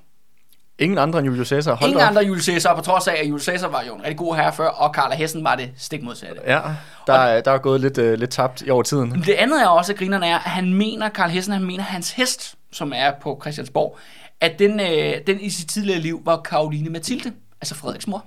Okay, wow. Ja, så det er virkelig sådan, what? Altså, hvad, hvad er Og det? Frederik kan da bare sådan, ja, helt sikkert. Ja, ja, du er, ja. du er, din hest er min mor. super mærkeligt, ikke? Og det andet er så også, at, fordi at Karl Hessen, han er jo så super optaget af det, spiritisme er, det er ham, der lukker alle mulige svindlere ind. Altså hudtynesøger og så videre, så videre. Og der er især en fyr, der hedder øh, Manderfeldt, jeg tror, han er en tysker, ikke? At han ligesom kommer ind og, øh, og simpelthen hosler hele kongefamilien. Og ham her Manderfeldt, udover at han er sådan en... Hvad er det, han sælger dem smør, måske? Nej, nej. han, øh, han er sådan en hypnotisør, men han har også et medie med, som er sådan en svensk pige, Mm-hmm. som man ligesom kan, kan tale med spøgelser. Og øh, de øh, engagerer sig i lange, lange sessions, hvor de kører sådan en hel pakke, hvor ham her, øh, Manderfeldt og den her svenske pige, de skal prøve at helbrede Christian 7. Mm-hmm. for hans Han er sindssyg. sindssyg, ja. ja. sindssyg, ikke? Så de har nogle, altså nogle lange session, hvor han skal ligge ned, og så de fremmaner Christian 4. spøgelse og bla bla bla. Fordi han, er, han, han kan nemlig løse problemerne. kan det netop løse problemerne. Øh, og det fede er jo så, at øh, Christian 7. i starten synes, at det er, det er meget sjovt, og, så på tidspunkt, øh, og til sidst er han bare sådan, så løber han bare væk. Okay, han gider ikke mere. han gider, han gider ikke med i de der sessions mere. Ikke? Nej. Så ligesom det falder til jorden, han bliver sjov nok ikke helbredt. Men en anden ting, som er også er virkelig øh, øh, sjovt, det er, at, øh, at den her svenske pige, hun kommer selvfølgelig med alle mulige vilde påstande, som overhovedet ikke passer på noget som helst tidspunkt. Men hun kommer med en profeti, som, øh, hvad skal vi kalde det, Andreas, som er lidt sådan en smule øh, tankevækkende, eller måske lidt foreshadowing om, hvad der kommer til at ske senere ske i vores serie. Mm-hmm. Fordi hun bliver ved med at sige, at Kalmarunionen vil genopstå. Okay. Altså unionen her mellem Danmark, Norge og Sverige, Ja, som vi havde under Valdemar Atterdag. ja. Men den lader vi ligge for nu, Andreas. Nu siger jeg bare, at der er i hvert fald en profeti, og Frederik han bliver meget opsat, han bliver meget fascineret af den her profeti om, at Kalmarunionen vil genopstå mm-hmm. i, den, i hans nærmeste fremtid. Spændende. Mm. Karl af Hessen, alle hans gøjlere der, det er jo virkelig, altså, det er ikke lige frem et, et godt selskab for Frederik at hænge ud med. Og hans øh, to nærmeste rådgivere, det er jo så øh, Johan Bylov, altså hans gamle barnepige, og så er det jo Ja, ham er soldaten. Ja, ham er soldat, og så er der selvfølgelig Andreas Bernstoff, leder koalitionen. Ikke? Ja. De er de to straight men, de er de eneste to voksne i rummet. Ikke? De synes, det er rigtig, øh, rigtig nederen, at Frederik hænger ud så meget med i den her mærkelige spiriti, øh, spiritisme-klikke. Øh, så bliver det endnu mere katastrofalt. Det lyder sådan lidt, øh, sådan, man får lidt, øh, jeg skal komme lidt til at tænke på ham der Rasputin over i Rusland. Ja. Der, altså også, hvor, øh, hvor de russiske zarfamilie, og især, jeg glem, hvad hun hed, hende der øh, zar, zarinden, hvor, Ja. ja. hvor de jo var også, øh, havde ham der Rasputin, ham der Ja, fuldstændig opslugt. mystikeren, som Ja, jo ja. mere eller mindre jo også havde, en, som også havde en stor politisk indflydelse, fordi han jo, han jo stod og viskede med øret, hvad de skulle gøre og ting og sager. Ja, lige præcis. Altså det er lidt det samme indtryk, jeg får, Ja. ja. når jeg hører omkring Frederiks øh, fascination af de her øh, Men mystikere. altså, Bjørn øh, øh, Bylov der og Bernstoff, de er meget sådan, ham der er hesten der, Karl er hesten der, han skal altså ikke have noget indflydelse. Og derfor bliver det ret katastrofalt, da Frederik melder ud, at han vil giftes med Karls datter. Okay. Som hedder Marie Sofie Frederikke. Og, øh, og det er katastrofalt nok, fordi det giver jo selvfølgelig Karl og Hessen rigtig meget mere indflydelse over Frederik. Og så er der et andet katastrofalt problem, det er, at Marie Sofie Frederikke og kronprins Frederik, de er fætter kusine. Hvorfor ødelægge en- hvorfor ødelægge en god tradition? Og, og bare Altså. Bylov og Bernstoff har lange sessions med Frederik, hvor de var sådan, vi har noget bedre erfaring i den her familie. med fætter med, kusine. I den her stat, i det her samfund, med de her Fætter fætter- kusineægteskaber. kusineægteskaber. Ja. Se på din far. Eller sådan, der, der, Og din bedstefar. Ja. Og din oldefar. ja, ja, lige præcis. Og eller, dig selv. Af, eller af prins Frederik. Ja. Eller, eller alt muligt. Ikke? Der er Ja. så mange... Se, se dig selv i spejlet. Du er en freak, ikke? Der er så mange eksempler på, på det. Det, det skulle være oplagt. De prøver at sige, "Nej, lad, lad, lad, lad, lad nu være med at gøre det. Ja. Men Frederik er sådan, han vil, han vil gerne giftes med hans kusine. Ja, han vil gerne giftes med sin kusine. Okay. Og det bliver han så. Han, de bliver gift. De bliver simpelthen gift. Og du siger, at hans kusine her, han, hendes far, det er så ham her... Øh, Ja, Karl Hessen, ham den ja. latterlige, dårlige hvad hedder det? general Ja. ja. for det tyske Og mystiker, ja. Og mystiker, ikke? Og fuldstændig udulig politisk militært. Ja, kæft et power-ægteskab, Ja. som Frederik har lavet sig her. Det er også det, øh, Bylov og Bernstof siger. Hvorfor øh, indgår der jo et strategisk ægteskab med noget, der kan give noget til den norsk og danske måske, stat? måske en, der er lidt længere fra dig i familiemæssigt også. ja, som ikke er de, de, de. Og øh, det er sådan her, at, øh, at det skal siges, at, at- Frederik er sådan set øh, sød nok ved sin kone. Altså, han udviser ikke en stor interesse for hende. Altså, det er jo ikke fordi, at sympati har været hans mest kendetegnende øh, karakteristik det, indtil videre nu. det, det, der bliver egentlig bliver Marie Sofies øh, job øh, i en lang tid fremover, det er, at hun bliver simpelthen fast øh, barnepige for Christian 7. Ja, hans far. Ja, hun får simpelthen den lorte chance, at hun skal hænge ud med sin sindssyge svigerfar non-stop. Ikke? Så der er i hvert fald en, der har, ligesom har styr på ham Ja. hele tiden. Ikke? Okay. Og det andet er så, at øh, Frederik han gør selvfølgelig sin pligt. Men det er jo ikke engang bare hendes sindssyge svigerfar. Det er jo også hendes sindssyge, øh, jeg ved ikke, grandonkel Ja, ja, ja, lige præcis. Men det hjælper ikke på det, Andreas. Nej. det, er ikke, det, er ikke det er ikke en hjælp, lad mig Nej. sige sådan. Øh, og øh, ja, og selvfølgelig de, øh, de indgår i et ægteskab, og øh, de føder, eller øh, de får så en række børn. De får Ja. faktisk seks babyer, som alle dør. Ja. Det er jo det, vi også snakkede om i, Ja. ja. for to afsnit siden, tror jeg. Ligesom med arveprins Frederik, når han prøver ligesom at lave en baby, så fungerer dør den, ikke. så dør den. Og det samme sker faktisk for Frederik Ja. ja. og so, øh, Sofie Frederik. Ja, de er ligesom ikke levedygtige. Og det, og det vilde er faktisk, at der er jo øh, i Roskilde Domkirke, det er jo alle konger i den danske kongefamilie, eller mange af dem i hvert fald er begravet der, og der er simpelthen noget, der hedder Frederik den 5. kapel, og simpelthen ned under gulvet der. Frederik den, den femte kapel, er det ikke Frederik den sjette? vi Nej, snakker? Frederik den 5. Det er, det er jo så bedstefaren. Ah, ja. Ja, det, der er forskellige kapeller i Roskilde Domkirke. Christian 4 har for eksempel også et kapel, Okay. og så videre, så videre. Øhm, Men under Frederik den femte ja, kapel? der, ja, der bliver simpelthen nede under det gulv, der bliver simpelthen stoppet op med døde babyer. Nå, Og de ligger der stadigvæk. okay. Men er det, er det sådan øh, umarkeret grave, eller Ja, er der de ligger, de ligger altså nede under gulvet. Ikke? Nå, Og, øhm, og det synes jeg bare, det er virkelig sådan en, en makaber detalje, som der ikke man kan læse på turistbrosyren, øh, når man går ind der. Det er simpelthen, at når du kommer til 1700-talskongerne, de ligger alle sammen i det her kapel, det vil sige Christian 7. ligger der, Frederik 6. ligger der, osv. osv. Men det er under det her gulv, der ligger alle afprinsens døde babyer, og der ligger alle Frederik 6. døde babyer. nå, Nede under det her gulv, ikke? Som Uden- er det der med Oldenborg-slægtens disintegration. Ikke? ja. Og det her, altså det der med, at den her slægt, altså som om, at de højere magter bare vil have den her kongefamilie, skal bare uddø. Ja, man kan sige, at med alle de der incestægteskaber, det er også malet op i et hjørne måske. Ja, nå, nå, synes du det? Altså, hvis ikke man skal blive bebrejdet Gud, kunne man måske også sige, der er også noget genetisk måske. ja, ja, lige præcis. Det skal siges, at de, de får faktisk øh, to piger øh, lidt senere, som faktisk overlever, men de her to øh, piger, det hedder øh, Karoline og Vilhe, Vilhelmine. Og smukt. Ja, ja, ja, men øh, de to øh, piger der, de, øh, de får ingen børn selv. Nej, okay. Og, og dermed er de facto. Ja, Det er det sidste. Så uddør slet. Ja, det er, det er det sidste simpelthen. Ja. Og det skal, men det skal sige faktisk, man skal også sige noget pænt om Frederik, det er faktisk, han er faktisk rigtig sød ved sine egne børn. Nå. I modsætning til den opdragelse, han selv fik. Hvad skal vi sige? Det er, en af, det er nok det pæneste, vi kan sige om Frederik. Det er, at han ikke behandlede sine Nej. børn, ligesom han selv blev behandlet. Ja, ja, lige præcis. Så der er lidt, altså, der er lidt menneskelighed i ham, ikke? ja. Og, men grund til, at vi beskæftiger os med det her ægteskab, og det er, altså den her med Sofie Frederikke, datter af Karl af Hessen, det er, at det er vanvittigt upopulært for den københavnske pøbel. Lige snart nyheden kommer om, at de to skal giftes, samme nat som det sker, så bliver hele Christiansborg, altså den del af muren, som ligesom vender ud af mod byen, bliver overhængt med plakater, hvor, de siger, hvor der bare står, hæng Karl af Hessen. Okay. Og vi ved ikke, hvem det er. Det er nogle anonyme folk, har gjort det i løbet af natten, ikke? Men nok nogen for pøblen. Ja, og så er det sådan her, at i 1790, der bliver de så gift, og så skal de så ride ind i København, og der bliver sat æresporte op og dekorationer over det hele, hele byen. Men hele det her bryllup, det ender i et gigantisk riot. Kæmpe optøjer. Og faktisk er det, det sker faktisk, at øh, da de kører over Kongens Nytorv for ligesom at komme til, øh, til Christiansborg, så er der masser af tusindvis af mennesker, der, der kigger, og folk begynder bare at råbe, Tysker Marie, Tysker Marie, Tysker Marie. Hmm. Mod, altså dronningen. Ja. Altså den kommende dronning. Nu er Ja. hun så jo kronprinsesse, ikke? Så Ja. det hedder.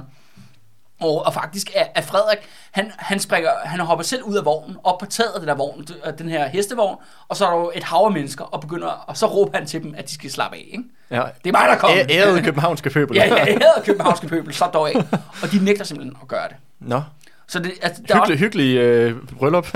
Og det, jeg tror, det er jo noget at gøre med, der er både et element af, af tyskerhed, Sikkert. øh, generelt set, men det er også det der med, at man har en fornemmelse af, at øh, den her meget, ellers meget populære reformvillige kronprins, som han er blevet set hidtil som, at de kan se, at nu begynder tingene at gå i en helt anden retning. Mm.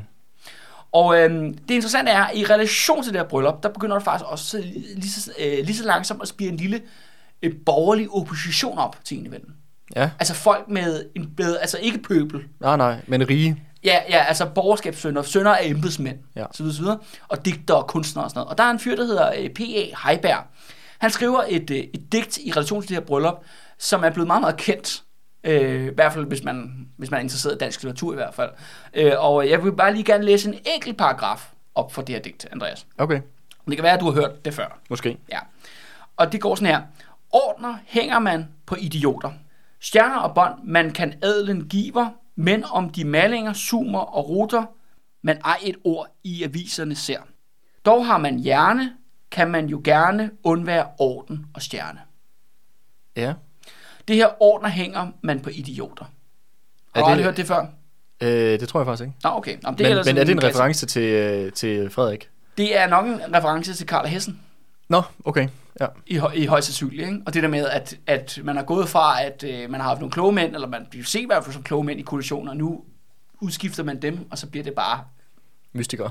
ja, og idioti, ikke? Ja. Dukke. Altså ham med P.A. Heiberg, han skriver det her, det er jo faktisk en indirekte kritik jo af systemet. Mm. Han, der sker, at han bliver ved med at udgive de her skrifter. Til sidst så bliver han simpelthen kaldet. I starten får han udbetalt bøder, men det ender faktisk med, at han bliver sendt i eksil i Paris. Tager ned til Paris og bor i det eksil helt frem til sin død. Okay, Han kommer aldrig tilbage. nej. Ja, det er jo så det post-revolutionære Frankrig, han så ender med at være eksil hos. Ja, lige præcis. Ja. Og, øhm, og, men han er ikke, han er så en blandt nogle flere, fordi der udkommer også en række kritiske øh, flyveblade, altså som, som kritiserer enevæld, og ingen rigtig ved, hvem der trykker dem. Det fører simpelthen til, at øh, Frederik han opretter et hemmeligt politi. Okay, er det, er det sådan det første Det er det, første, efterretningsvæsen? det er det første efterretningsvæsen, vi har i Danmark sådan ja. her. Til det internt. Men det skal så siges, at i de her tidlige år i 1700-tallet, der er det virkelig de glade amatørsklub. Okay. Det bliver, jeg skal sige, efter 1815 bliver det meget mere professionelt. Men for eksempel, Det er sådan noget med folk, der har et øh, falsk mustache og en avis, hvor der er klippet huller til øjnene. Ej, seriøst, det, er faktisk, det er faktisk næsten sådan. Der er en af de her rapporter fra det her hemmelige politi, hvor at, øh, at det er sådan en politiagent, han øh, ved ikke rigtigt, hvad, han ved, der ligesom er en undergrund opposition, de udgiver nogle skrifter, som de er som ulovlige, og hvordan fanden skal han så fange dem? Så det han vælger bare at gøre, han hænger bare ud i kongens have hele dagen.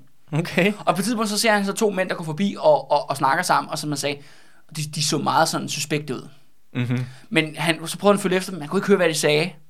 Og så forsvandt de, og så bare sådan, "Ej, men jeg, øh, jeg tror, det, det er dem, der har gjort det.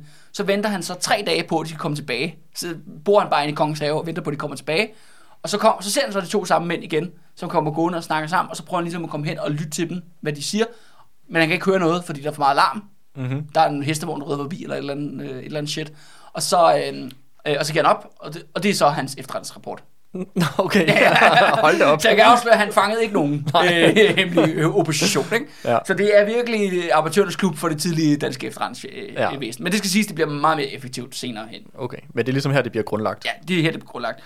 Og så er det også her, at i relation til alle de her kritiske flyveblade, både i forhold til hans kone, til hans svigerfar, Og også lige en pointe, at, at øh, efterretningsvæsenet her, det bliver opsat for at, øh, og, hvad hedder det, opspore kritikere og med henblik på vel at straffe dem. fuldstændig. Ja, så også bare Send, lidt, det, send folk i livstidsfængsel eller i eksil. ja, Det er det, der er den normale straf for Ja. ja. folk, der gør det her. Ikke? ja. Så målet er ligesom at, øh, at på den måde øh, kom, skaffe kritikere til af livs. Øh, Ja. Yes, eller hvad, Eller hvad, skal skaffe vejen. Jeg skaffe mig, så det, Ja. ja. ikke, så det ikke er et problem. Ja. Ja. Og det en anden ting er, at, at Frederik han viser, altså Frederik han sidder jo det, der hedder statsrådet, Ja. som er jo regeringen. Og den her selvfølgelig er fuldstændig domineret af koalitionen. Og, øhm, og det er sådan her, i today's today operations, der blander Frederik sig ikke rigtig så meget. Schimmelmann han styrer ø- økonomien, Ernst, øh, Andreas Bernstorff han styrer udenrigspolitikken. ja, det er jo den der arbejdsdeling, der er med koalitionen jo. Ja, lige præcis. At de er de voksne. Men, men Frederik han har sin plads i, i statsrådet, og øh, der er især, at det eneste han sådan virkelig blander sig i, og han går op i med liv og sjæl, det er netop det her. Altså kritiske stemmer, altså spørgsmål om ytringsfrihed, hvad kan man sige, øh, og hvad skal straffes, osv. osv. Og det Frederik han viser er, at alle de her kritiske skrifter, han tager det som personlige angreb. Altså, han, og han viser virkelig det der, som mange diktatorer har sig, at de bliver virkelig smålige. De ser al kritik som vendt mod deres person. Og en anden ting, han begynder at udvise, det er, at han får øh, hyppige raserianfald. Ja. Det grinerne er, at det minder mig faktisk lidt om, øh, om, sådan, om Adolf Hitler for eksempel. Altså for, bare for ligesom bringe en, en, en, som alle folk måske har set en film med. ja, det er undergang. Ja, for eksempel, ikke? hvor det var netop, ja, hvis du ser der undergang, at det hvor Hitler han sidder det der, øh, han sidder også og har møder hele tiden med sin, ligesom sin regeringstop, og så er der en, der siger, jamen det kan ikke lade sig gøre, og så går han fuldstændig amok, ikke? Mm. og råber og skriger. Og Frederik bliver faktisk på den samme måde. Ja. Så jeg har lyst til at sige, det er ikke kun, det er ikke kun en Hitler-ting, det her. Nej, nej. Det er en diktator-ting. Men jeg tror også, hvis du er, du er kransekagen, du er ansigtet på hele regimet og hele staten, så bliver enhver kritik af staten og, og systemet, bliver også en kritik af dig. Ja, Altså, altså på den måde, så, øh, så kan jeg da godt forstå, hvor man kan sige, uh, lad os, Mette Frederiksen for eksempel, jeg tror også nu, hun har kritik meget, øh, men den her virker det til, men på en anden hun er alligevel, der er jo ligesom, der er, der er nogle andre lag imellem, altså hun er jo på den måde ansvarlig for alt, altså der, der er kongehuset, der er en institution, der er Folketinget mere sådan bredt forstand, der, der har været tidlige regeringer, der har truffet nogle beslutninger, sikkert også med Socialdemokratiets støtte, men alligevel, Ja, ja, ja. altså, hvor at, når, det her, når du ja har ikke, de her... ikke alle samfundsproblemer kan sættes på hendes øh, Præcis, tallerken. vel? præcis. I hvert fald ikke, i hvert fald ikke direkte på, hvor, et, hvor, hvad sådan en, med, hvor, hvor sådan en som, øh, som Frederik her jo, han er jo, det er hans underskrift. Han er staten. Han er Ja. staten. Det er ja. hans underskrift, der skal være på alle papirer, før det træder i- kraft. Og han er den, der har det sidste ord. Så på den måde, så bliver enhver kritik jo og, øh, af, af systemet. Uanset hvor mild den kan være. Ja, det bliver eller, også en, Ja, en kritik af ham. ja, Forstår du, hvad jeg mener? ja. Ja. Og han bliver altså skråt. Ja. Og får sendt folk i livstidsfængsel og øh, knægte ytringsfriheden osv. osv. Ikke? Han bliver fuldstændig besat af det her. Og en anden ting øh, de, med de her raserianfald, og en, det går ud over, altså hvor han virkelig kommer med fuldstændig raserianfald, det er mod Johan Bylov. Ja. Det er sådan her, at Altså hans, øh, hans, hans øh, tidlige, barnlig- tidligere buddy. Ja, og eneste rigtige ven, har jeg Ja. lyst til at sige. Ikke? det er sådan her, han har en korrespondence med en af de her kritikere. Ja. Det er en, en, det er en djøffer, en lavt rangerende djøffer, der hedder Holm, som har skrevet nogle af de her kritiske flyveblade.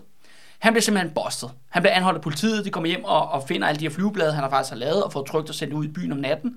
Og der, hos ham, der finder de så nogle breve, han har skrevet til Johan Bylov. Men that's it. Johan Bylov er ikke med i nogen konspiration Nej. om at vælte enevælden. Han har bare haft en korrespondance med ham her, Holm.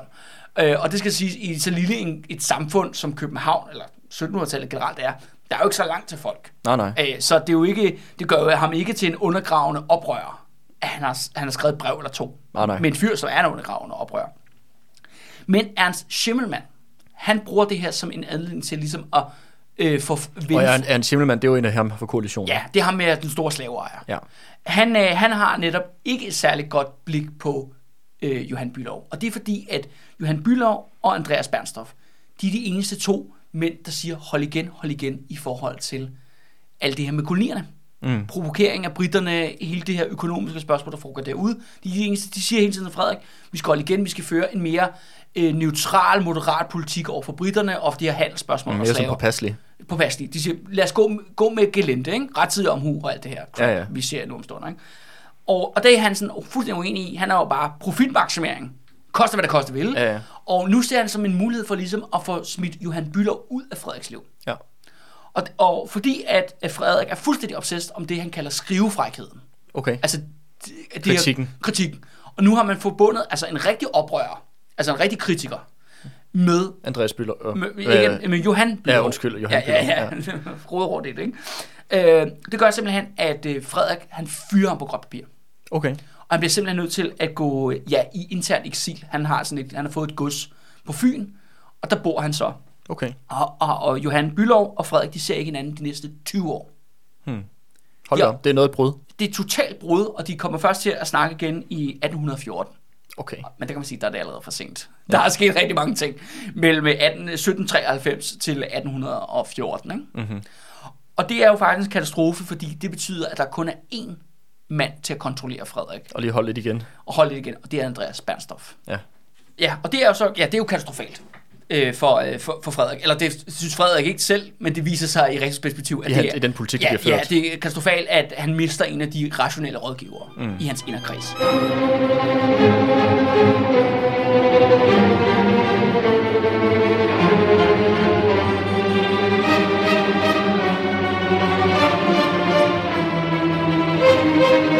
Og ude på gaderne, der fortsætter simpelthen øh, uroen. Øhm, og det er det der med, at man ser faktisk en tendens til, at de her ja, unge borgerlige studenter og, og den rå gadepøbel i København, de bliver ved med at faktisk at samle sig i nogle af de her optøjer, eller bevægelser, eller hvad vi skal kalde det. Og især er en af de uh, interessante er, at i netop i perioden 1793-1794, så virker det som om, at det ligesom når en ny højde, en ny kulmination, om man så må sige, på den her bevægelse. Og det er, at øh, for det første opstår der blandt uro blandt øh, værnepligtige bønder ude omkring i den danske provins. Ja. Meget Sådan, ja. Ja, ja øh, det er ikke så godt. Og det andet er så også, der sker noget i København, hvor at vi har en, øh, en porcelænshandler, der hedder Brabrand. Og han har simpelthen navnet Brabrand efter den, jysk, den jyske by Brabrand. Okay. Fordi det er der, han kommer fra. Ja, Så, så, så, så hurtigt kan det siges, ikke? Ja, ja. Ligesom Colin, vi havde snakket om. Ja, der var fra. Kolding. Ja, lige præcis. Og, øh, og det starter egentlig faktisk med, at han er ved at blive udkonkurreret af en øh, jødisk øh, konkurrent. Ja. Så det bliver han sur over, og ligesom starter med ballade, søgsmål og så videre. Men hurtigt der bliver det faktisk vendt mod, øh, mod systemet. Okay. Altså det starter ligesom sådan... sådan ja, Prøv lidt at køre det et, etniske... Ja, ja, noget antisemitisme, og så lige pludselig bliver det faktisk noget angreb på, mod systemet. Og, øhm, og det er sådan her, at, øh, at det der sker, er, at han jo ligger i øh, koalition med myndighederne. Han opfordrer simpelthen en, en han leder sådan en folke, et optøj mod den her jødiske forretning, smadrer den jødiske forretning. Politiet kommer selvfølgelig for at prøve at, at anholde ham, men hvorefter simpelthen er Brabant, han gør det, at han får simpelthen en permanent pøbelvagt uden for sit hus. Okay. Han har simpelthen, han tænder lys i huset 24 timer i døgnet, altså stearinlys, ikke? Ja, ja. Altså lys ude i gaden, så det er sådan helt oplyst ude for hans hus, og så holder han den ene brandtal efter den anden ude for det her. Øh, Og folk stemmer ja, sammen. Ja, op for tredje sals vindue, ikke? så råber han ud til den kæmpe store mængde, øh, menneskemængde. Han var også produceret, han får fat i en eller anden form for øh, trykpresse, og får faktisk udgivet sin egen kritiske flyveblad, hvor han angriber ja, kommunen, systemet, Frederik personligt osv.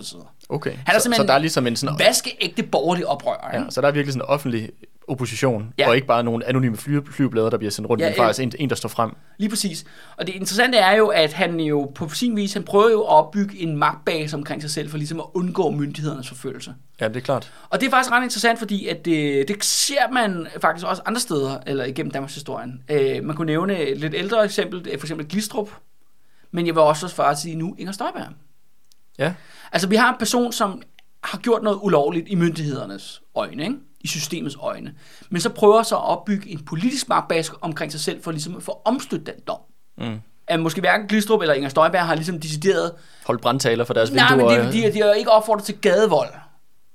Ikke helt så åbenlyst, som Brabrand gjorde det i 1700-tallet. Mm. Men jeg bare siger, at det, det er et fænomen, vi ser igen og igen. Det er sådan nogle af folk, som har gjort noget ulovligt, og det kan man så mene om, hvad, hvad man... Altså, Glistrups tilfælde var det skattesnyd, Inger Støjsbergs tilfælde var noget med noget ministerhedsansvarlighedslov. Men den måde, de prøver ligesom at sætte sig op over loven på, det er ved at samle en pøbel omkring sig. Eller en politisk base, ikke? Ja, ja. og ligesom for at dermed omstøde øh, myndighedernes øh, domsafgørelse. Ja, eller, synes- eller i hvert fald prøve at gøre, at de, er- at de, at de ikke er øh, lige så udsatte. Ja, lige præcis. Ja. Jeg synes bare, det er et interessant fænomen, ja. bare for at sige, at jeg det, tror ikke kun, det er ikke kun Danmarks historie, man ser det. Nej, jeg nej, tror, det jo, overhovedet ikke, overhovedet ikke. Nej, men jeg synes, jeg synes bare, det er interessant, fordi at det, det er jo første gang, jeg har med Brabrand, så siger men det er også det på den måde, at loven er jo ikke et eller andet form for sådan øh, abstrakt, der er ligesom, øh, øh, hvad skal man sige, øh, sådan eviggyldigt, som, øh, som hersker over samfundet. Altså på den måde, loven er et produkt af de magtkampe, der er i samfundet, og kan ikke st- stille sig fri for de magtkampe, der er. Så hvis du har en, karakter, en person, som for eksempel i vores tilfælde her med ham her Brabrand, som der har en masse folk omkring sig, som er villige til at forsvare ham, men så kan loven jo ikke nå ham. Altså, Nej. fordi det er i sidste ende, så er samfundet jo en, en kamp mellem levende kræfter, og ikke bare hvad hedder det, ord på et papir. Nej, nej, altså, det er det. Ja. Jamen, jeg synes bare, det, det er interessant, altså det er en interessant dynamik, og jeg bringer det op, fordi jeg synes, okay, det virker som om, der er faktisk nogle paralleller i vores egen tid. Se, at, at det på den måde kan man sige, at 1700-tallet er ikke så langt væk mm.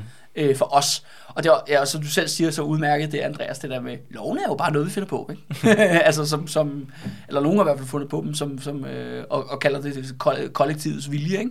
Ja, og men, så, også, men også, at det kun kan håndhæves i det, i det omfang, at du har evnerne til rent faktisk at håndhæve den.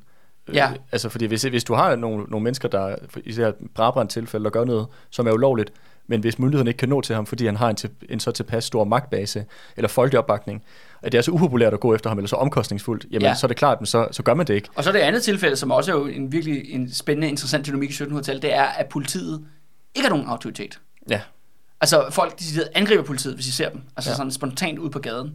Øhm, det skal jo faktisk også sige, at mange af de her, nogle gange, når politiet faktisk anholder folk, som er rigtig kriminelle, altså som, som faktisk er upopulære i det lokale neighborhood eller på 20 marked, så lader folk faktisk det ske. mm-hmm. Så folk er sådan meget, de dømmer sådan fra sag til sag ja, ja. I forhold til, at ham, ham der tiggeren, som var mega nice i 1806, ham befrier vi altid. Ikke? ja. Men hvis det er sådan en rigtig uh, ham, ah, han er nederen kal, ikke? han er en rigtig kældring ham der, Ja. så, lader de, så lader de politiet til ham. Okay. Så de, de, de skældner fra sag til sag. Og her lige i Brabrands tilfælde, der siger de så, han er jo en af os, ikke? Mm. Han er en af the good guys. Og ham med Brabrand, han får faktisk en masse sympati også for andre øh, småhandlende erhvervsdrivende, og faktisk også øh, djøffer og embedsmænd osv. osv. I, i de lavere lag. Men til sidst så ender det faktisk med, at, øh, at de simpelthen sætter massivt militær ind, og øh, simpelthen springer døren åben til hans hus og anholder ham. Da de, de slipper ham på kastellet, øh, for at sætte ham ind i, øh, det er jo sådan ligesom hoved militær øh, Installationen. institutionen i København. Øh, på det andet tidspunkt det er faktisk stadigvæk militært område. Og øh, sætter dem ind der, og så råber han hele vejen, du ved, oprør, oprør. Og det fører så faktisk til, at øh, en kæmpe stor menneskemængde, de simpelthen samler sig og går, marcherer direkte mod Christiansborg. Okay. Og det er jo så her, hvor der opstår en af de her tilfælde, hvor at øh, Frederik 7. Han, eller undskyld, Frederik den 6. han springer, Hiver, hiver far ud af sengen. hiver far ud af sengen, ned i vognen, kaster diamanter ind, ikke? Yes. Men igen, så lykkes det faktisk Livgarden i at simpelthen ved at smadre, smadre løs på folk og oplyse den her menneskemængde, hvor så efter den her menneskemængde, de tager tilbage, hvor de kom fra i Indre by, og så begynder de bare at tæve alle de jøder, de kan finde. Mm. Okay. Ja, Antiklimatisk. antiklimatisk, men det ender så også med ham her, øh, Brabrand, han bliver også sendt i livsvej i eksil, ikke? Mm. Hvor til? Øh, han, han ender faktisk i et sted i Tyskland. Og så er det så det her, nu er vi over til lidt til det her paradoxet, Andreas, det er jo det der med, at hvorfor får vi ikke en fransk revolution? Fordi det er noget af det tætteste på, vi kommer, det her Brabrand optøjer. Og det, altså, teorien er blandt andet af de historikere, som har undersøgt det, og det jeg har læst, det er simpelthen, at de der, øh, hvad skal vi kalde det, dannede akademikerlag i, i København på det tidspunkt, de er simpelthen for lille. Mm. Det er fordi, at hvis du kigger på den franske revolution, dem der meget driver, der er, der er også masser af pøbeloptøjer. Den franske revolution er nærmest et stort, langt pøbeloptøj. Så den, kan man sige, det element har vi på plads i København. Men forskellen er bare, at i København har du ikke alle de her selvstændige advokater, som man har i Frankrig. Ja, men jeg tænker, det er jo også det der med sådan det der spirende borgerskab på en eller anden måde. Ja. Altså mere end bare nogle akademikere. Det er jo også mere en ny økonomisk sådan, øh, gruppering, der er kommet til, som har nogle selvstændige interesser, som er i modsætningsforhold til aristokratiet og til kongedømmet og det ene og det andet. Altså, jeg, det, er mere, jeg, det er mere i forhold til, at du skal se dem som talspersoner. Hvad for noget siger du? De, som talspersoner for det her lag. Og det andet er også, som du selv ja, ganske udmærket påpeger, fordi de store økonomiske spillere, er jo en del af... Det er jo en del af koalitionen, det er en del af magtapparatet. Det er det. Og, og det er mit ønske i hvert fald med i Frankrig der, der har du ligesom en anden gruppering af utrolig rige og magtfulde borgere, der er kommet til, men som har nogle interesser, der er i modstrid ja. med det, med det de etablerede er, aristokratiske og, ja, og, de er sådan en form for uh, second class citizen. Ja. I hvert fald ja, juridisk. De vil, ja, de vil gerne op og have de der privilegier, men er, men er, er det gamle aristokrati, er de ikke øh, vil man sige, villige til at, ja. at, at dele posterne. Og så er der også det med mange af de her, kan man sige, ja, borgerlige mellemlag, at mange af dem har jo også, er faktisk alle sammen statsansatte. Øh, ja. Fordi at det, det enevældens apparat suger simpelthen alle, der har en uddannelse ind. Ikke? Så det er også det med ham der Holm, når han jo så kritiserer enevælden, så mister han jo også sit job. Eller forstår du, der, der, de mangler også en, en, øh, selvstændig, en selvstændig base. Og det er jo det med, hvis du skal starte en, ja, en undergrundsavis eller pamflet, eller hvad fanden man skal lave, så skal man også have nogle penge til at betale for det, i hvert fald i starten i hvert fald, mm. til man kan lave nogle indsamlinger. Og der har ham der Brabrand jo et eksempel på, en porcelænshandler, ja. som, som kaster sig ud i det her. Ikke? Ja. Så der findes jo enkelte eksempler, eller ham der, øh, ja, digteren der, P.A. Ja. Heiberg, ikke? Ja, ja. altså der findes nogle eksempler på, at det ligesom sker, men, de, men det er en meget, meget, meget mindre gruppe, ja, ja. End, end man ser for eksempel i Paris, eller ja. i London på i samme tidspunkt. Ikke? Ja, og så snakker vi også i forhold til pøblen, det her med, at det var jo ikke, det var jo ikke kun uh, tigger og, og gadedrenge. Altså, der var jo også de der tømmer og sådan noget, for eksempel jo. Sådan arbejder, øh, arbejder i den forstand, eller arbejderklasse, eller hvad man ja. kalde det. Men, uh, men det var stadig meget i sin spæde begyndelse, hvor jeg, mit indtryk er i hvert fald, hvis du ser på Frankrig og Paris, jamen så er det alligevel så desto længere frem økonomisk udviklingsmæssigt. Det er ikke bare øh, luder og lomtyve. Altså, ja, der, ja, ja. Der, er, der er også mere, hvad skal man sige, en, øh, en, en, øh, ikke en reel sådan, industriarbejderklasse, som vi kender det, så når vi kommer op i industrialiseringen, men der er, det, det, det er noget mere, altså det der tømmerlag eller arbejde, man ja, sige, ja, ja. det fylder også desto mere. Så det er også for mig at se, sådan, det er jo det er ikke kun, der er, der er flere elementer. Der er det der med øh, en selvstændig øh, borgerklasse, som øh, borgerskab, som, som er ligesom, øh, som ikke har økonomiske interesser, der er sammenfaldende med, med enevælden, og så har du også en, en, øh, en, sige, et pøbellag befolkning, som også er mere udviklet end tilfældet er her i København. Ja. Det er i hvert fald mit indtryk. Rigtig mange af de rigtige elementer for en revolution i sådan en, ja, en, en mange, klassisk borgerlig ja, ja. fransk øh, opfattelse, de er sådan set til stede, men ligesom om, de ikke, det er ikke nok. Nej, det er, det er for spædet. Ja, det er ligesom, de mangler noget... Øh, de mangler noget kvantitet, ja. øh, for ligesom at det, at det ligesom kunne virkelig blive farligt at, at vokse. Ikke? Ja. Selvom, altså, selvom det skal siges, at, at kongehuset, de frygter, at det hele tiden sker. Mm. Men har også en reel frygt at have den i. Det er ja, ikke ja, noget, de har fundet på det her. Og så er der faktisk andet interessant paradoks, som jeg synes er faktisk ret interessant og fascinerende, også i forhold til, hvordan det, hvordan det foregår lige nu her hjemme i, i Danmark. Det er det der med, at Frederik, koalitionen, myndighederne, de, øh, det er sådan her kritiske røster, de her folk, Folk, der sætter sig ned og skriver en pamflet, de bliver straffet mega hårdt. Landsforvisning, livstidsfængsel, offentlige pisninger, you fucking name it, ikke? Og endda i sidste tilfælde også dødstraf nogle gange. Ja. Der er no mercy. Men det interessante er, at pøblen, altså de her folk, folk, der overfalder en politibetjent, slår en soldat, eller hvad det kan være, de slipper vanvittigt billigt. Ja. De slipper ofte med små bøder. Fy fy. Ja. Du må ikke tæve offentlige myndighedspersoner. Og det er fordi deres rationale er, at hvis du, øh, de her, de, de ser normale mennesker som folk, der bliver grebet i et øjebliks vrede, det går så ud over en myndighedsperson. Men at de normalt, med det er så, jamen hvis vi straffer sådan en person super hårdt, jamen så vil vi skabe et evigt had i den person til os, til mm. myndighederne. Og det er bare interessant, fordi at vores politikere har det stik modsatte rationale i dag. De straffer jo netop folk, som bare på det mindste kommer op mod... Træder ved siden af. Ja, eller kritiserer statsministeren, eller hvad det skal være. De bliver slået massivt ned. Der sætter de bare hele apparatet ind på at smadre individuelle personer, som måske i et øjebliks øh, raseri har ligesom trådt over grænsen. Ja, ja. Altså hvad den der, den der tryghedslov, de vedtog med, hvis du er en... Øh en, en ung mand, der tilfældigvis ikke er bleg nok i huden, og, går med, og du tror også går med dynejakke, ja. jamen så, ja, ja, og på et S-tog, jamen så dum. Ja, hvis, du, hvis I står tre personer sammen, så vil vi slå hele vores apparat ned i hovedet på dem. Men det så kommer vi at konfiskere jeres dynejakker. Det synes jeg altså, at grineren af, af de her ledere i 1700-tallet, og inklusive også Frederik for den sags skyld, de simpelthen vurderer, at det er simpelthen ikke det værd. Mm. Fordi vi skaber permanente fjender af folk, som faktisk måske er egentlig upolitiske. Mm. Folk, som ikke er involveret i politik på nogen som helst, de passer bare deres ting, og så sker der et eller andet, de har måske lidt hårdt i deres liv, eller whatever, og så har de et eller andet lille, lille sammenstød med en eller anden form for myndighedsperson, så ej, hvor du være, lad dem gå. Mm.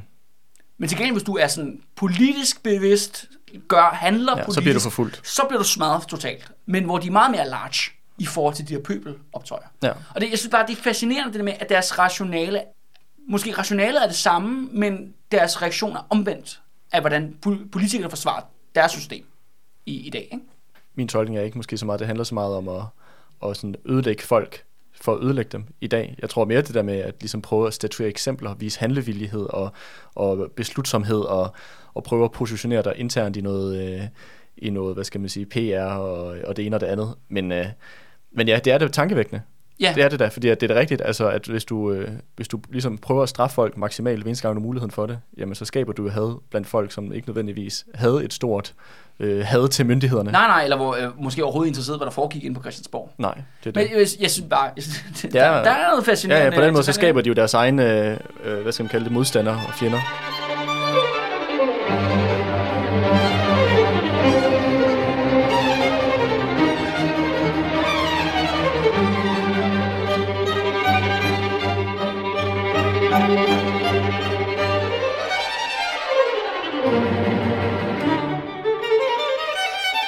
Men som tiden går, de her øh, ja, riots og øh, optøjer osv. osv. og utilfredshed, det bliver, de bliver mere og mere farligt. Og det bliver også mere og mere farligt i forhold til, at Frederik de 6. jo, han favoriserer militæret så meget.